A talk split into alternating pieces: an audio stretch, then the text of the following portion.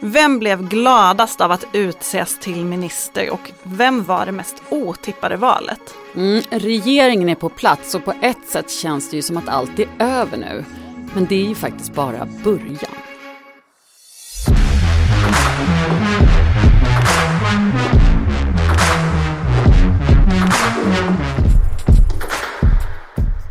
Det här är politiken med, eh, vad heter de nu?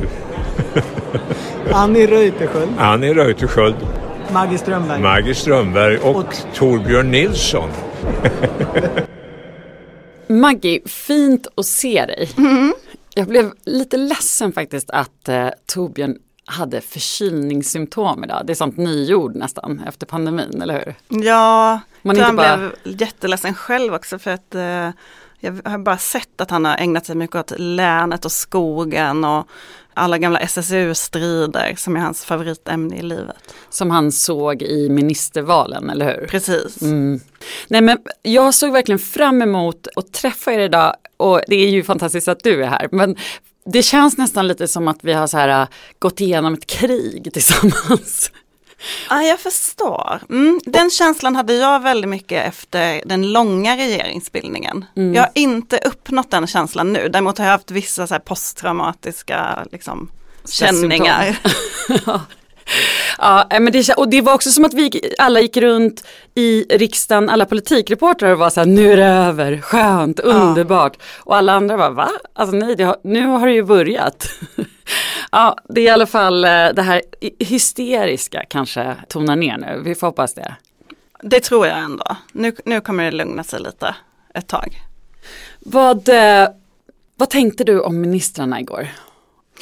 Ja men det var ju, jag hade varit med i radio på morgonen och spekulerat om hur det skulle bli i P1. Så jag kände mig väldigt träffad av Magdalena Andersson när hon sa jag har hört era spekulationer och ni har fel. Det är ju Ehm, ett så kallat kamikaze-uppdrag, Ja. eh, alltid. Men roligt Mm. också. Men, eh, nej men eh, det var ju många namn man inte hade väntat sig. Flera poster man kanske inte heller hade väntat sig. Den mest väntade var ju Mikael Damberg som finansminister. Mm. Och jag hade liksom förletts att tro att det skulle bli Emma Lennartsson där, så jag blev ändå förvånad också av det. Ja, Men eh, det kändes ju logiskt på något sätt. ja och hon fick ju som väntat den tyngsta statssekreterarposten i, Ja. eh, i statsrådsberedningen. Men eh, Vem såg gladast ut då, tycker du? Ja, men jag tyckte nog att det var Annika Strandhäll som ju inte kunde dölja sin, eh, sin nöjdhet över att ha fått det område som Magdalena Andersson pekar ut som ett av de tre viktigaste, klimat och miljö. Just det. Eh, och tillbaka som minister, vilket man ju har verkligen känt av att hon har velat vara, få leda ett departement. Men hon var inte så glad att hon hade kollat upp hur många kärnkraftsverk eh, verk som har funnits och som är i, i bruk idag. Nej men hon var, blev ju quizad i Aktuellt och eh, det gick väl inte superbra kanske. Åh herregud, det här borde jag ha koll på. Har vi stängt ner två? Har tre i drift? Nej, jag är osäker faktiskt på den. Sex nedstängda, sex i drift. Alltså det här är ju det intressanta med valet av Annika Strandhäll, för det fanns ju två personer med i spekulationerna. Både Jytte Guteland som sitter i EU-parlamentet nu och ska kandidera till riksdagen och Åsa Westlund som är ordförande i finansutskottet och tidigare EU-parlamentariker. Båda väldigt, väldigt kunniga på miljöområdet. Och det säger ju något, tänker jag, om nu inte de har fått frågan och sagt nej, men det tror jag inte. Det säger ju något att Magdalena Andersson väljer en helt annan politikertyp här. Som kanske då inte svarar rätt på alla frågor i Aktuellt, men som är en person som skapar ett otroligt engagemang och som är en politiker-politiker. För om man tittar på de eh, miljöministrar som Miljöpartiet har utsett så har ju de varit väldigt mycket tjänstemannatyper. Inte så konfliktorienterade politiker. Väldigt mycket handlat om kunskap. Alltså, I Miljöpartiet finns det ju någon bild av att liksom det finaste som finns är att, att kunna svara på alla frågor och, och vara, liksom, ha doktorerat på ämnet du är minister i. Och se hur det har gått. Ja men har, man har ju inte lyckats riktigt skapa det där engagemanget kring, kring klimatfrågan. Man har inte lyckats lyfta den där frågan i valen. Nej men precis, alltså jag håller med dig. Det finns ju verkligen ett mått av eh, valkampanjsstrategi bakom eh, de här ministrarna. Det märkte man ju bara när de gick fram på pressträffen och, och berättade om sig själva. Det var ingen som darrade på manschetten direkt. Det var liksom raka besked och eh, med lite charm och sådär. Ja men och flera av liksom de nya var ändå kända från tv. Ja, det gick mig helt förbi. Aldrig sett Gift, gift vid första ögonkastet. Inte jag heller men många har ju gjort det. Verkligen. Det är ju Khashayar Farmanbar, nya energiministern. Exakt. Och digitaliseringsministern. Han har även vikt eh, en av våra chefer, Hannes Stelling. Oj. Det var ju kul. Oj, Ja. då måste ju han jäva ut sig. Ja, kanske. Det kan Men, ju bli problem på ehm, många redaktioner. Men han verkar ju redan ha gjort någon slags eh, succé som eh, den roligaste i regeringen. Digitaliseringen ger fantastiska möjligheter för att förbättra kvaliteten i den välfärd som vi alla vill ha. Också lite sexualiserat såg jag på internet, så här, eh, energiminister Bay och så här. Ja, Eh, ja. Så kommer det nog att bli. Ja, nej, men jag, jag måste säga, hon såg väl ganska glad ut men jag tycker att den som strålade allra mest eh, igår det var ju Max Elger. Mm. Finansmarknadsminister. Tidigare statssekreterare åt Magdalena Andersson. Ja, han hade också liksom, alltså han var så, han, han otroligt eh, väl eh, Han hade friserat. groomat sig. Exakt. Han hade eh, klippt sitt långa hår. Precis, han hade ju liksom- hästsvans förut. Eh, det hade han inte längre. Eh, det, det går kanske inte i Magdalena Anderssons regering. Han såg ju på något sätt ut att personifiera det finanspolitiska eh, ramverket. St- Stram och så, väldigt liksom inne i sig själv på något sätt. Men, han, och det känns också som att han liksom äntligen fick kliva ut i offentligheten från detta undangömda men inflytelserika eh, rum som är statssekreterarnas.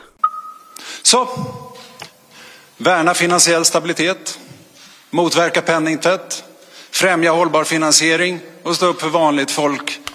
Ja men han är ju spännande för att om man tittar till liksom fördelningen i den här eh, regeringen så är det ju väldigt, väldigt många från Stockholms län och också då på tunga poster. Både statsministern och finansministern är från Stockholms län, högerdistriktet. Stockholm, Stockholms stad, vänsterdistriktet har då Anders Ygeman och Max Elger. Och Max Elger är ju kanske inte den mest vänsterlutade socialdemokraten. Nej men verkligen, alltså, eh, det var ju många från vänster som reagerade på att Mikael Damberg blir finansminister och Max Elger då finansmarknadsminister. Att det verkligen var liksom spiken i kistan för den här debatten om eh, Socialdemokraterna är på väg väldigt långt vänsterut. Det ser vi verkligen inte ut att vara just nu. Jag minns en kongress i Göteborg, 2013 tror jag detta måste varit. Då satt de alltså i opposition och Max Elger var någon slags eh, budgetchef. Liksom han jobbade åt Magdalena Andersson även då eh, som tjänsteman. Och att han stod på det här stora mässgolvet, det var någon slags mingel och så sa han någonting i stil med Jag är den sista nyliberalen i det här rummet. Och ja, nej men så att jag tror inte reformisterna i Stockholms stad kanske inte känner att detta var deras person riktigt. Nej, och många hade ju gissat på Lauen Redar också eh, som kulturminister. Och i, jag kollade det där lite i förväg och då fick jag eh, svaret att nej, men hon är för mycket reformist. Eh, hon, det kommer inte bli hon. Nej. Eh, men det behöver inte alls vara sant, det var ju bara någon som liksom spekulerade. Men mm, Intressant ändå hur den här regeringen har satt samman efter då den här kongressen där det ju fanns en väldigt stark längtan vänsterut och där reformisterna som vanligt, eller Daniel Suhonen som vanligt spelar en väldigt stor roll. Ja, det är också intressant tycker jag när man pratar med socialdemokrater om hur den här regeringen, eh, alltså inte bara även innan, men hur Magdalena Anderssons regering ska skilja sig från Stefan Löfvens. Då har liksom det, det, det som jag har hört mest har varit att vi ska vara mycket rakare nu, det ska bli mycket tydligare, S-politiken ska fram. Och så säger de det som att det är liksom någon slags men jag känner ju att, att det är väldigt mycket att uppfinna hjulet. Det är det alla partier säger hela tiden eh, som, som förklaring till varför det inte går bra. Vi har inte kunnat kommunicera vår politik tillräckligt väl. Det är Just aldrig det. fel på policyn utan Nej. det är alltid bara kommunikationen. Och nu är det som att de har liksom kommit på världens grej. Vi ska bli bra på att kommunicera. En, en annan person som är intressant tycker jag är Lina Axelsson Kilblom, nya skolministern.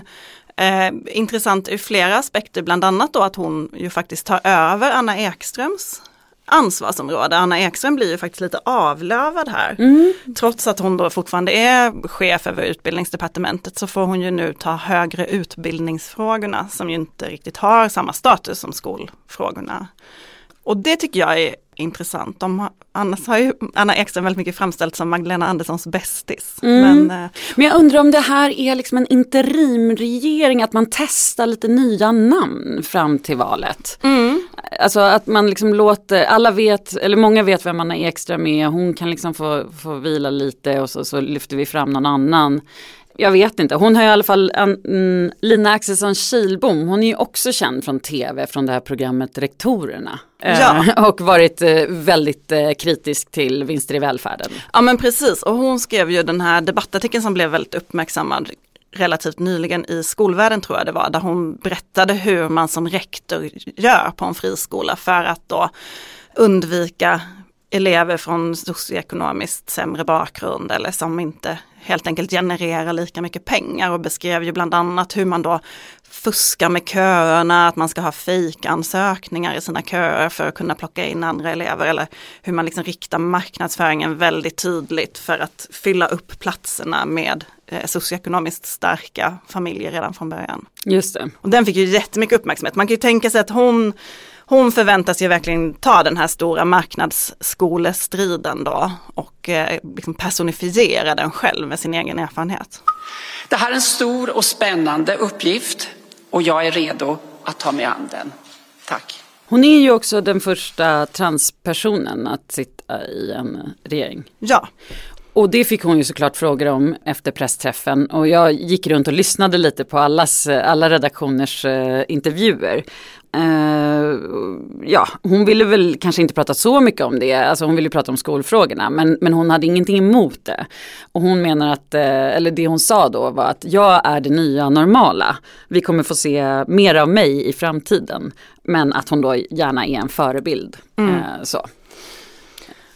En sak som slog mig igår, alla ministrar fick ju den här vanliga frågan som ställs nu för tiden om vad man har för skelett i garderoben.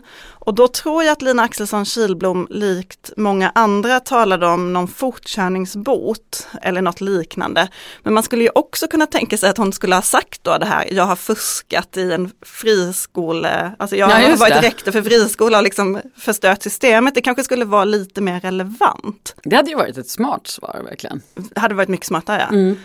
Men det är ju intressant med den där frågan som alla får. Eh, Det var ju, Eller är det intressant? det var ju en del droger och det var en del sådär. Nej men det, är, det här har ju blivit en trend som lite har spårat ur tycker jag. Vi valde faktiskt att inte ställa den frågan. Jag drev igenom det på morgonen. Ehm, Good job. Och men då fick jag höra av en kollega att 2006, då hade Svenska Dagbladet ställt den frågan till alla. Och då hade man fått fram det här med att Cecilia och inte betalade tv-licens och sådär. Och så hade man bara skrivit det i tidningen i en liten enkät. Och sen kom drevet i efterhand. Svenskan hade inte riktigt, enligt den här personen i alla fall, varit, varit med på storheten i detta. Och efter att den där ministrarna fick avgå så har ju detta varit en, en jättestor grej varje gång man har bytt ministrar. Och det där är ju intressant. Vad för typ av politiker tänker man sig att man ska få?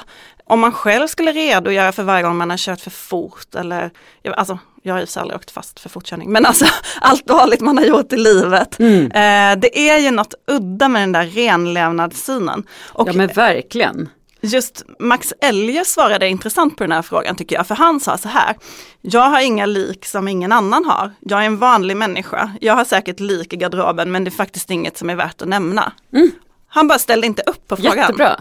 Ja. Jättebra. Och då tänkte jag på, vi gjorde, när jag var på tidningen Fokus, då gjorde vi inför valet 2014 en stor grej, um, jättestor artikel som vi kallar för steget bakom Stefan. Eh, där vi gjorde, gjorde så här fotogrej på alla tjänstemän och berättade om vilka de var. Det var väldigt så här West Wing inspirerat. Och då var ju Max Elger en av de där tunga bakom och han vägrade vara med. Och sa så här, nej men jag, det, att ställa upp på det här är att helt ha missuppfattat vad en tjänstemans roll är. Jag ställer inte upp på sådana här bilder. Och det är liksom lite en rolig person som bara, nej jag går inte med på den här ja. medielogiken, jag tänker inte göra det. Nu gick han upp ett snäpp ändå eh, tycker jag. I, ja. ja.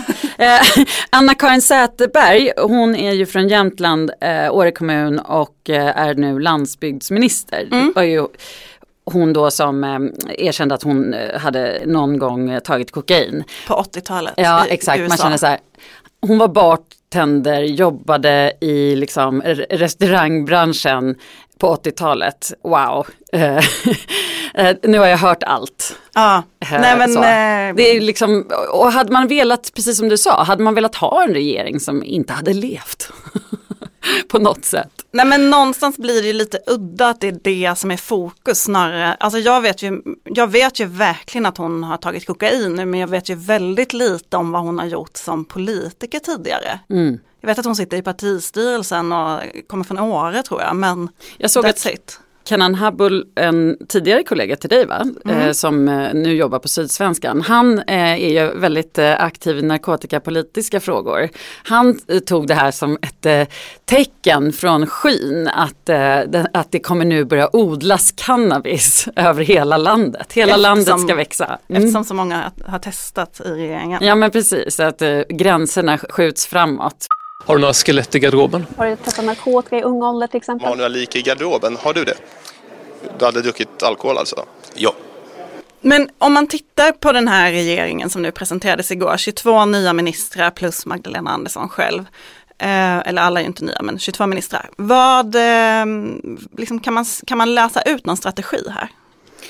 Ja men det är väl just det, att, eh, att, att de ska vara bra kommunikatörer. Det är ju lite kul eftersom både Morgan Johansson som fortfarande då är justitieminister men har verkligen fått en så här utbyggd eh, portfölj. Um, och Annika Strandhäll är ju vilda twittrare får man ju ändå kalla dem. Så på det sättet så, ja de är en typ av kommunikatörer. Mm. men frågan är hur det blir i, i valrörelsen. Och det säger ju någonting om vilket tonläge Socialdemokraterna tänker sig att ha framöver. Och så kombinerat med massa tv-kändisar då. Mm, ja men för det är ju... Men det verkar ju, att man ska inte, ja, ja, det vore fel att eh, beskriva det som liksom en en gemensam rekrytering som är ytlig och bara kommunikatörer. Det, jag skulle säga att det ser ut som en kompetent eh, skara statsråd. Men däremot så är det ju många som inte har erfarenhet av just det de har fått ansvar för just nu. Men det är ju ändå tydligt att det är en valrörelseregering snarare än, än en regering som ska få saker gjort. Men det kommer ju ändå vara en del saker som ska göras nu och som kommer kunna göras lite enklare utan Miljöpartiet kan man tänka sig. Till exempel slutförvaret ska man fatta beslut om.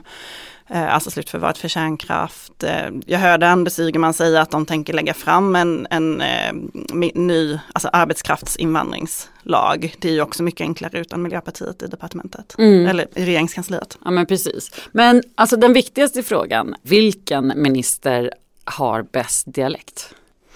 Ah, mm, det var få skåningar. Jag är tacksam att du uppmärksammar detta. Men mm. det var ju faktiskt bara Morgan Johansson och Ann Linde plus då nya kulturministern. Men hon är ju inte, hon är ju knappt partist. Liksom. Ja, mm, hon är ju nej, väldigt skånsk mm. Nej men för att jag, när Johan Danielsson började eh, presentera sig mm. så eh, twittrade jag eh, en fråga, eller en retorisk fråga kanske, om dalmål kanske inte är den finaste dialekten vi har och fick enormt gensvar på detta. Mm -hmm. Alltså det engagerar verkligen med eh, dialekter. Jag tycker ju att dalmål är som liksom, alltså jag skulle nästan kunna bli kär i vem som helst som pratar, eller ja, nu har jag också förstått att det finns väldigt mycket olika dalmål. Så jag tror nästan att i sommar kommer jag behöva göra en sån liten liksom, rundresa. Mm. För att många av svaren var så, jo fast det är ju bara Bålänge man, man pratar sådär fint. Aha. Eh, ja, liksom, ah. och eh, det var överväldigande positivt positiva svar måste jag säga. Eh, vi, många också som hävdade att Skellefteska Säger man? Mm, ja, det är ingen aning. Nej. Ja, men min mamma kommer ju från Sollefteå så det är, ja, det är ganska fint. Men det är ju någonting med dalmål som är så, jag tror också att det är att jag är färgad av Gustav Norén. Mm. Um, när han pratar. Ja, exakt. Mm. Så, så um, eh, blir man glad. Och, eh, och sen så känner jag ju Erik Nises också. Han är ju från Borlänge. Han jobbade ju länge eh, på Aftonbladet, det var så jag lärde känna honom. Sen blev han pressekreterare för Stefan Löfven mm. och nu är han ju kommunpolitiker just i Borlänge. Han pratar också fint. Det var ju väldigt många med Dalarna-anknytning mm. i regeringen i alla fall. Precis. Det brukar ju vara väldigt känsligt i Socialdemokraterna var man kommer ifrån. Mm. Eh, vi får väl se hur reaktionerna internt blir på det här. Ja, eh, jag tror att vi utnämner ändå dalmål. Jag är inte med på det, du får Nej. stå för det själv. Uh, Okej, okay. då blir Johan, Johan Danielsson delad plats med Ann Linde då, är det det du menar? Alltså Ann Linde är ju från Helsingborg, tyvärr, Morgan Johansson är ju från Lund, tyvärr finns det ingen från Malmö då i den här regeringen. Men, eh, nej men Ann Linde, Ann Linde är ju svårslagen, alltså. Det är ju ändå otroligt underbart varje gång hon pratar. That is not true and that was our state epidemiologist said today. Men det är bara käbbel. Det bara käbbel. Det käbbel. Käbbel, käbbel, käbbel, käbbel, käbbel. Men Magdalena Andersson sa ju en hel del i regeringsförklaringen innan hon började räkna upp alla ministrar, vilket ändå var det som alla satt och väntade på. Eh, någonting om att vända varje sten va? Det, det... det kom nog många gånger. Ja, mm. eh, jag vet inte. Eh, de är, de, folk är redan trötta på dessa stenar. Yes. Eh, vi, vi, får se hur det där kommer funka. I vilket fall då så sa hon att varje statsråd i den regering som idag tillträder kommer att få i uppgift att inom sitt ansvarsområde och med stöd av berörda myndigheter vända på varje sten. Att vända på varje sten för att stoppa gängkriminaliteten och bekämpa segregationen. Och det där var ju, det kan ju låta liksom lite eh, obetydligt men det är ju faktiskt kärnan i hur de tänker sig arbeta framöver som jag förstår det. Och då är det just att segregationen verkligen ska vara överordnat allt och att alla eh, ska jobba med det eh, högsta målet liksom, för, mm. att, för att kunna åstadkomma någonting där.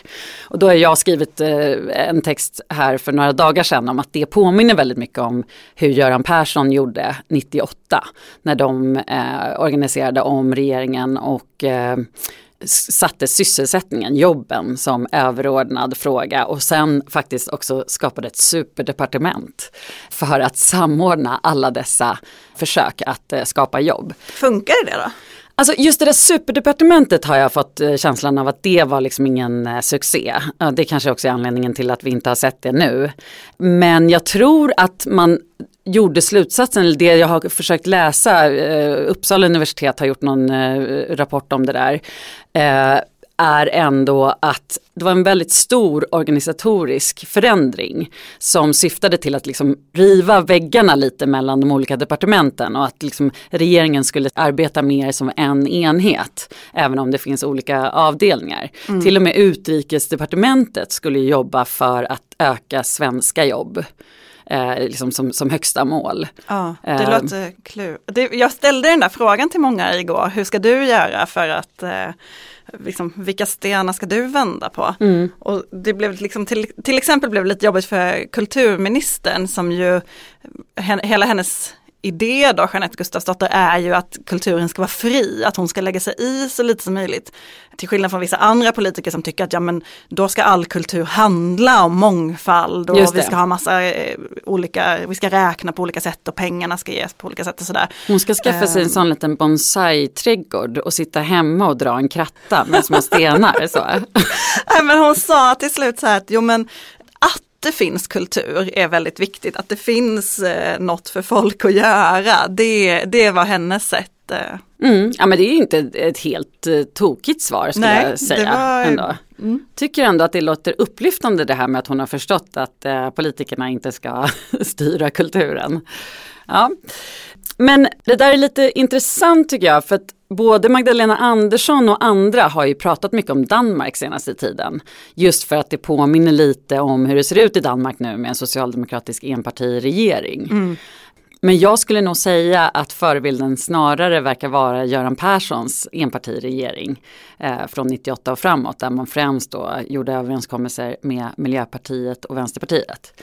Det som är den stora skillnaden mellan både den här regeringen och Göran Perssons och Mette Fredriksens regering är ju att båda de hade majoritet för sin ekonomiska politik. Mm. Det har ju inte Magdalena Andersson. Nej precis, då hade ju Persson det där 121-punktsprogrammet med Miljöpartiet och Vänsterpartiet. Ja det tror jag var i 2002.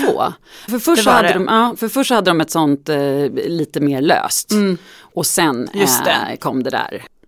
Och det som är roligt när man läser om det där nu, det är ju att så här, Carl Bildt lämnade in misstroendeförklaring mot eh, Göran Persson. Det gjorde ju Moderaterna hela tiden för de ville ha eh, bort honom. Men just att anledningen var så här, det här är alldeles för instabilt regeringsunderlag. Och då har de ändå en sån majoritet för budgeten. Det var då han myntade rödgrön röra? Ja. ja. Ja, nej men det där är ju, det där är ju intressant och det där är ju svårigheten framöver och det man inte har fått något svar på ännu. Hur tänker sig Magdalena Andersson att hon ska få igenom en vårbudget till exempel? Det ser ju helt omöjligt ut när man tittar på det nu. Idag så ska vi promenera, snacka budget, men först ska vi ta en fika. Och det är lite intressant det här med Vänsterpartiets överenskommelse med Socialdemokraterna nu, som ändå verkar ha varit lite så här gnistan till eh, Centerpartiets vrede ju. Mm. Jag, jag, undrar hur man ska tolka den. Jag diskuterade med eh, professor Jan Theorell vid Stockholms universitet eh, vad den egentligen betyder och han hade tolkat den mer som att Vänsterpartiet vinnlägger sig om att för att stödja Magdalena Andersson framöver så måste de först förhandla. Alltså innan, mm. innan statsministeromröstningen. Mm. Och jag tolkade det inte riktigt så men det är faktiskt lite oklart när man läser den där formuleringen. Eh, och hans invändning då var ju att så här, det är det negativ parlamentarism vilar på, att man ändå stödjer en regering utan att få någonting i utbyte förrän kanske sen. Mm. Men den tilliten är ju icke-existerande just nu.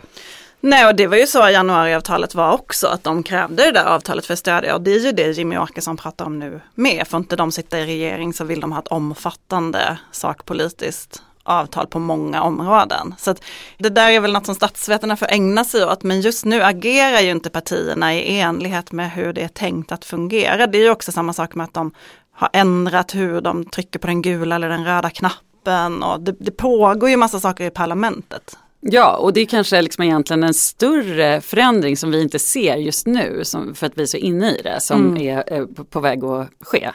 Det får vi se lite hur de tolkar det där avtalet också framöver. Men just Jan Theorell, de utredde ju, eller de gjorde ju stor forskning på den långa regeringsbildningen, ett gäng statsvetare, och de kom ju fram till att man skulle, liksom, det fanns inga skäl att ändra på någonting konstitutionellt för att underlätta. Men jag undrar om de kommer hålla fast vid den tanken eller om de ändå kommer se behov av förändringar för att det ska fungera. Mm, det lät lite så nu, vi får se. Mm. Men i regeringsförklaringen så var det ju någonting nytt som jag skickade en tanke till dig, vilket jag gör ganska ofta för att så här, vilken tur att Maggie har skrivit om det här. så att jag kan verka smart i min kommentar.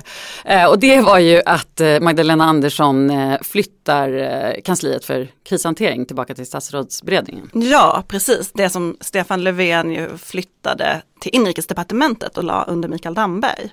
Ganska snart efter att han tillträdde som statsminister. Det där har ju borgerliga politiker kritiserat väldigt mycket och jag tänker att det säger en del. Man kan nog tolka Magdalena Andersson på olika sätt nu när hon flyttar tillbaka det. Men alltså krishanteringskansliet kom ju till efter tsunamiutredningarna, tsunamin, liksom den stora krisen runt tsunamin handlade ju om att departementen inte kunde prata med varandra, att det uppstod massa låsningar. Det där gjorde ju att det tog mycket längre tid att inse allvaret och att man behövde stödja folk i Thailand. Så där. Och i de där utredningarna som sen gjordes, då var det väldigt tydligt att det behöver upprättas ett kriskansli och det behöver ligga så nära statsministern som möjligt. Och det gjorde ju Fredrik Reinfeldt sen. 2008 startade det där och låg då under hans eh, tunga statssekreterare HG Westberg, som ju var liksom, chefen i regeringskansliet i så många år. Och det där hade väldigt, väldigt hög status internt, men det fanns också ganska stort missnöje bland typ UD och försvarsdepartementet och sådär, att man kände att man det var, liksom, det var ju in och tassade på deras områden då. Mm. Gud vad UD och försvarsdepartementet alltid är missnöjda. Ja. Men sen tror jag att man, när man då flyttade det, jag, jag har ställt frågan till Stefan Löfven om det där flera gånger under coronakrisen. Och han har hela tiden sagt så här, nej men det där är en pseudodebatt, det är inget att diskutera. Och så då är det ju extra intressant nu att Magdalena Andersson flyttar tillbaka det. För det som hände under coronakrisen, alltså när man flyttade till inrikesministern, då tänkte man ju så här, kris är terrorattack eller något annat som har med polis att göra och då MSB. Och, men det som sen hände när det blev en kris som ju främst låg på socialdepartementet var ju att det också uppstod massa gnissel då. För då var ju Elisabeth Backteman eh, statssekreteraren under inrikesministern, hon var ju ansvarig för det här. Samtidigt så hanterades ju stora delar av krisen på socialdepartementet. Och det blev liksom lite, även mellan deras myndigheter, MSB och Folkhälsomyndigheten blev det ju tjafsigt. Det behövs ett superdepartement. ett superkrisdepartement. Nej men då är ju tanken nu igen då att det ska ligga under Emma Lennartsson, den högsta tjänstemannen som kan beordra alla i regeringskansliet att göra som hon säger. Och mm, det tolkades ju när Stefan Löfven flyttade det här som att han ville liksom lite skjuta ifrån sig, att han inte ville ha det där ansvaret nära sig. Och Hans ledarskap har ju beskrivits som svagt eller delegerande eller riskminimerande. Det är väl lite i, beroende på ja, mm. grundinställning. Men tydligt är ju att Magdalena Andersson kommer inte ha det där delegerande ledarskapet. Nej, och tydligt är ju att Socialdemokraterna nu tar chansen att gå i opposition mot sig själva i och med en ny partiledare. Och det, det gillar de. Och faktum är att det kändes så bra att kunna säga det. Vi har en lagstiftning som inte gör det möjligt för en statsminister att sitta och förhandla med enskilda personer. Men regeringsbildning kan ju också verkligen vara ett verktyg i politiken för att eh, inte bara vinna val utan eh, se till att eh, olika personer kommer på platser som eh, signalerar någonting utåt. Göran Persson, igen, är ju mästaren på detta. Och jag pratade lite om eh, det här med Leif Pagrotsky på S-kongressen när vi pratade om den här tiden med superdepartementet. Och då berättade han en ganska rolig grej för att det är ju, det är ju känt att Margareta Winberg hon blev ju vice statsminister och Leif Pagrotsky blev ju då chef för det här superdepartementet mm. samtidigt. Och båda de var nej-sägare i EMU-kampanjen. Och många tolkade det här som att det var politiskt spel på något sätt. Erik Erfors som faktiskt jobbade på Svenska Dagbladet då. Eh, Ledarskribent eller? Ja, mm. precis. Eh, skrev att tala om illa dolt kampanjbidrag. Med dessa utnämningar stärkte statsminister nej-sidans auktoritet kraftigt och delade ut nej-reklam värt många sköna miljoner. Men statsministern var ju på ja-sidan. Ja, precis. Så att eh, det var ett lite konspiratoriskt upplägg. Och därför så läste jag upp det här för Leif Pagrotsky och han bara, Va? nej, nej, nej, nej. Men det han har rätt i är att det var strategiskt spel. För Ingvar Carlsson och Göran Persson då tillsammans hade insett att det var absolut inte bra för partiet om det verkade som att man inte fick ha olika åsikter. Så det här var liksom ett sätt att försöka eh, låta alla blommor blomma. Men det gick inget bra och eh, enligt Leif eh, Pagrotsky så backade Göran Persson snabbt från det här mm -hmm. när han mhm. märkte att opinionssiffrorna dök. Så kanske därför Daniel Suhonen inte fick bli kulturminister? Ja, Att man inte precis. skulle lyfta upp de där reformisterna. Precis, men, ja, men för, då, för då sa han att eh, det här var ett sätt att visa att vi skiljer regeringen från partiet. Mm. Och det är ju någonting de försöker, har försökt göra hela den här mandatperioden men faktiskt inte lyckats. Mm. Intressant. Ja. På tal om vice statsminister så fick jag igår reda på att det kommer inte finnas någon vice statsminister i den här regeringen. Den har ju legat hos Miljöpartiet nu i sju år och bara varit en ceremoniell post. Just det. Som ju aldrig hade någon betydelse eftersom det hela tiden har varit den som har suttit längst i regeringen som träder in ifall statsministern är borta. Och så kommer det vara nu också. Det är ju Morgan Johansson. Ja, han, han, han kunde verkligen inte sluta prata på den här pressträffen om hur mycket han har fått att göra. Eh, skämtade också lite mer så här, hej, jag heter Morgan Johansson. Då skrattade Annika Strandhäll jättehögt. Jag tolkade det där som att, eh, jag, jag har sett att många har tyckt så här, åh nu fanns det utökat ansvar, men jag tolkade det som att han bara ville liksom dölja att han har blivit av med migrationen. Mm -hmm. Men eh, ja. Så wag the dog-aktigt. det accepterar inte vi. Vi tar inte det. Det går inte. Det accepterar inte. Vi tar inte det. Det går inte. Det accepterar Vi tar inte det. Det går inte. Det går inte. Vi tar inte det. Även om man känner sig som att man har kommit ut ur en, ett mindre krig då och äntligen ska få sova igen så är det ju som du sa Annie, nu det börjar. Det är nu det, det riktigt svåra börjar för Magdalena Andersson. Vad, vad, om du blickar framåt, vad ser du? Ja, men kampen blir väl ännu en gång om eh, arbetarnas eh, röster för Socialdemokraterna. Eh, och nu känns det som hundratusen år sedan. Men Torbjörn skrev ju en text i Svenska Dagbladet om att Stefan Löfven var arbetaren som förlorade arbetarväljarna. Och det är ju sant och, det var verkligen en läsvärd text. Jag funderade bara när jag läste den på vad skulle han gjort då? Alltså det är ganska svårt, eh, det är en ganska svår terräng.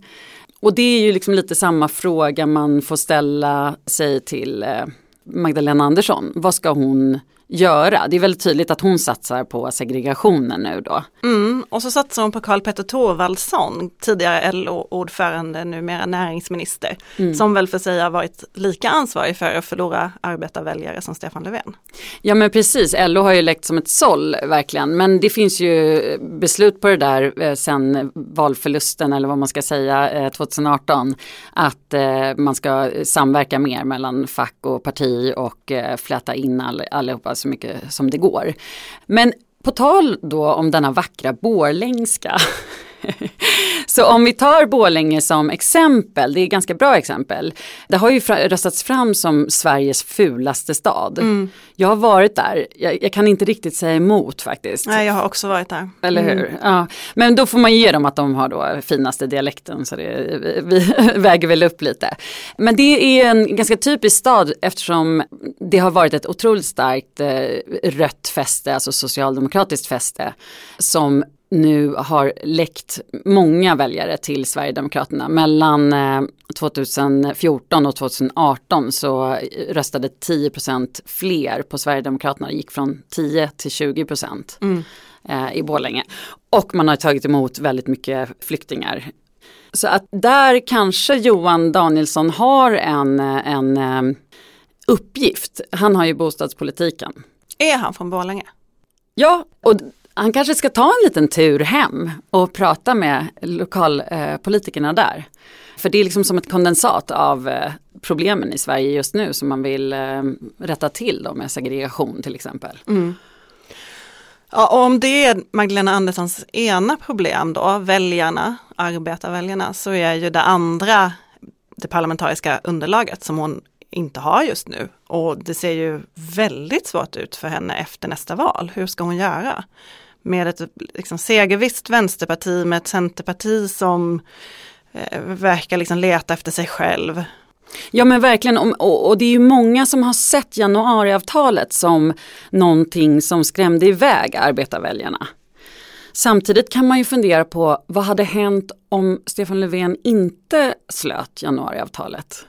Alltså det blir nästan så filosofiskt men, men det där tror jag inte att någon riktigt har blivit klok på. Jag pratade med eh, Susanna Gideonsson om det, LO-ordföranden som eh, har funderat mycket på det. Så att det blir väl en av de stora frågorna framöver för både Socialdemokraterna och arbetarrörelsen. Och samtidigt kan man också se då det här pensionstillägget som är framförhandlat med Vänsterpartiet och ska läggas fram och arbetskraftsinvandringen är två frågor där man väl förväntar sig stöd från Sverigedemokraterna för att få igenom den politiken. Arbetskraftsinvandringen har ju brett stöd men man kan ju tänka sig att det händer saker i den relationen också under kommande mandatperiod. Ja, verkligen. Jag stör mig dock lite på det här att det alltid blir liksom så, sån uppståndelse när Socialdemokraterna tar stöd av Sverigedemokraterna. För det har man ju gjort länge. Men det blir ju kanske en lite annan grej när SSU i alla fall framställde sig som att de verkligen sökte upp Sverigedemokraterna. Liksom, alltså att det mer var att man skulle komma överens före omröstningen.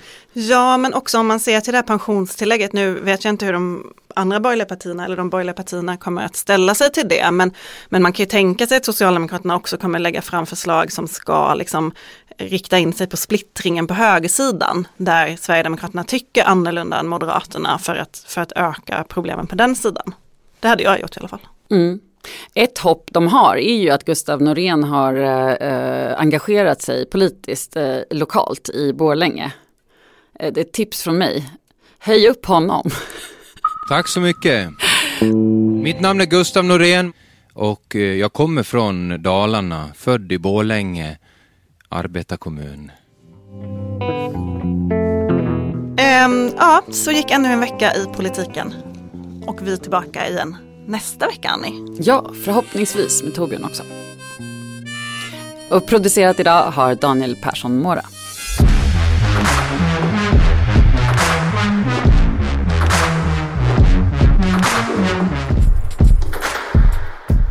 Du har lyssnat på Politiken, en podd från Svenska Dagbladet.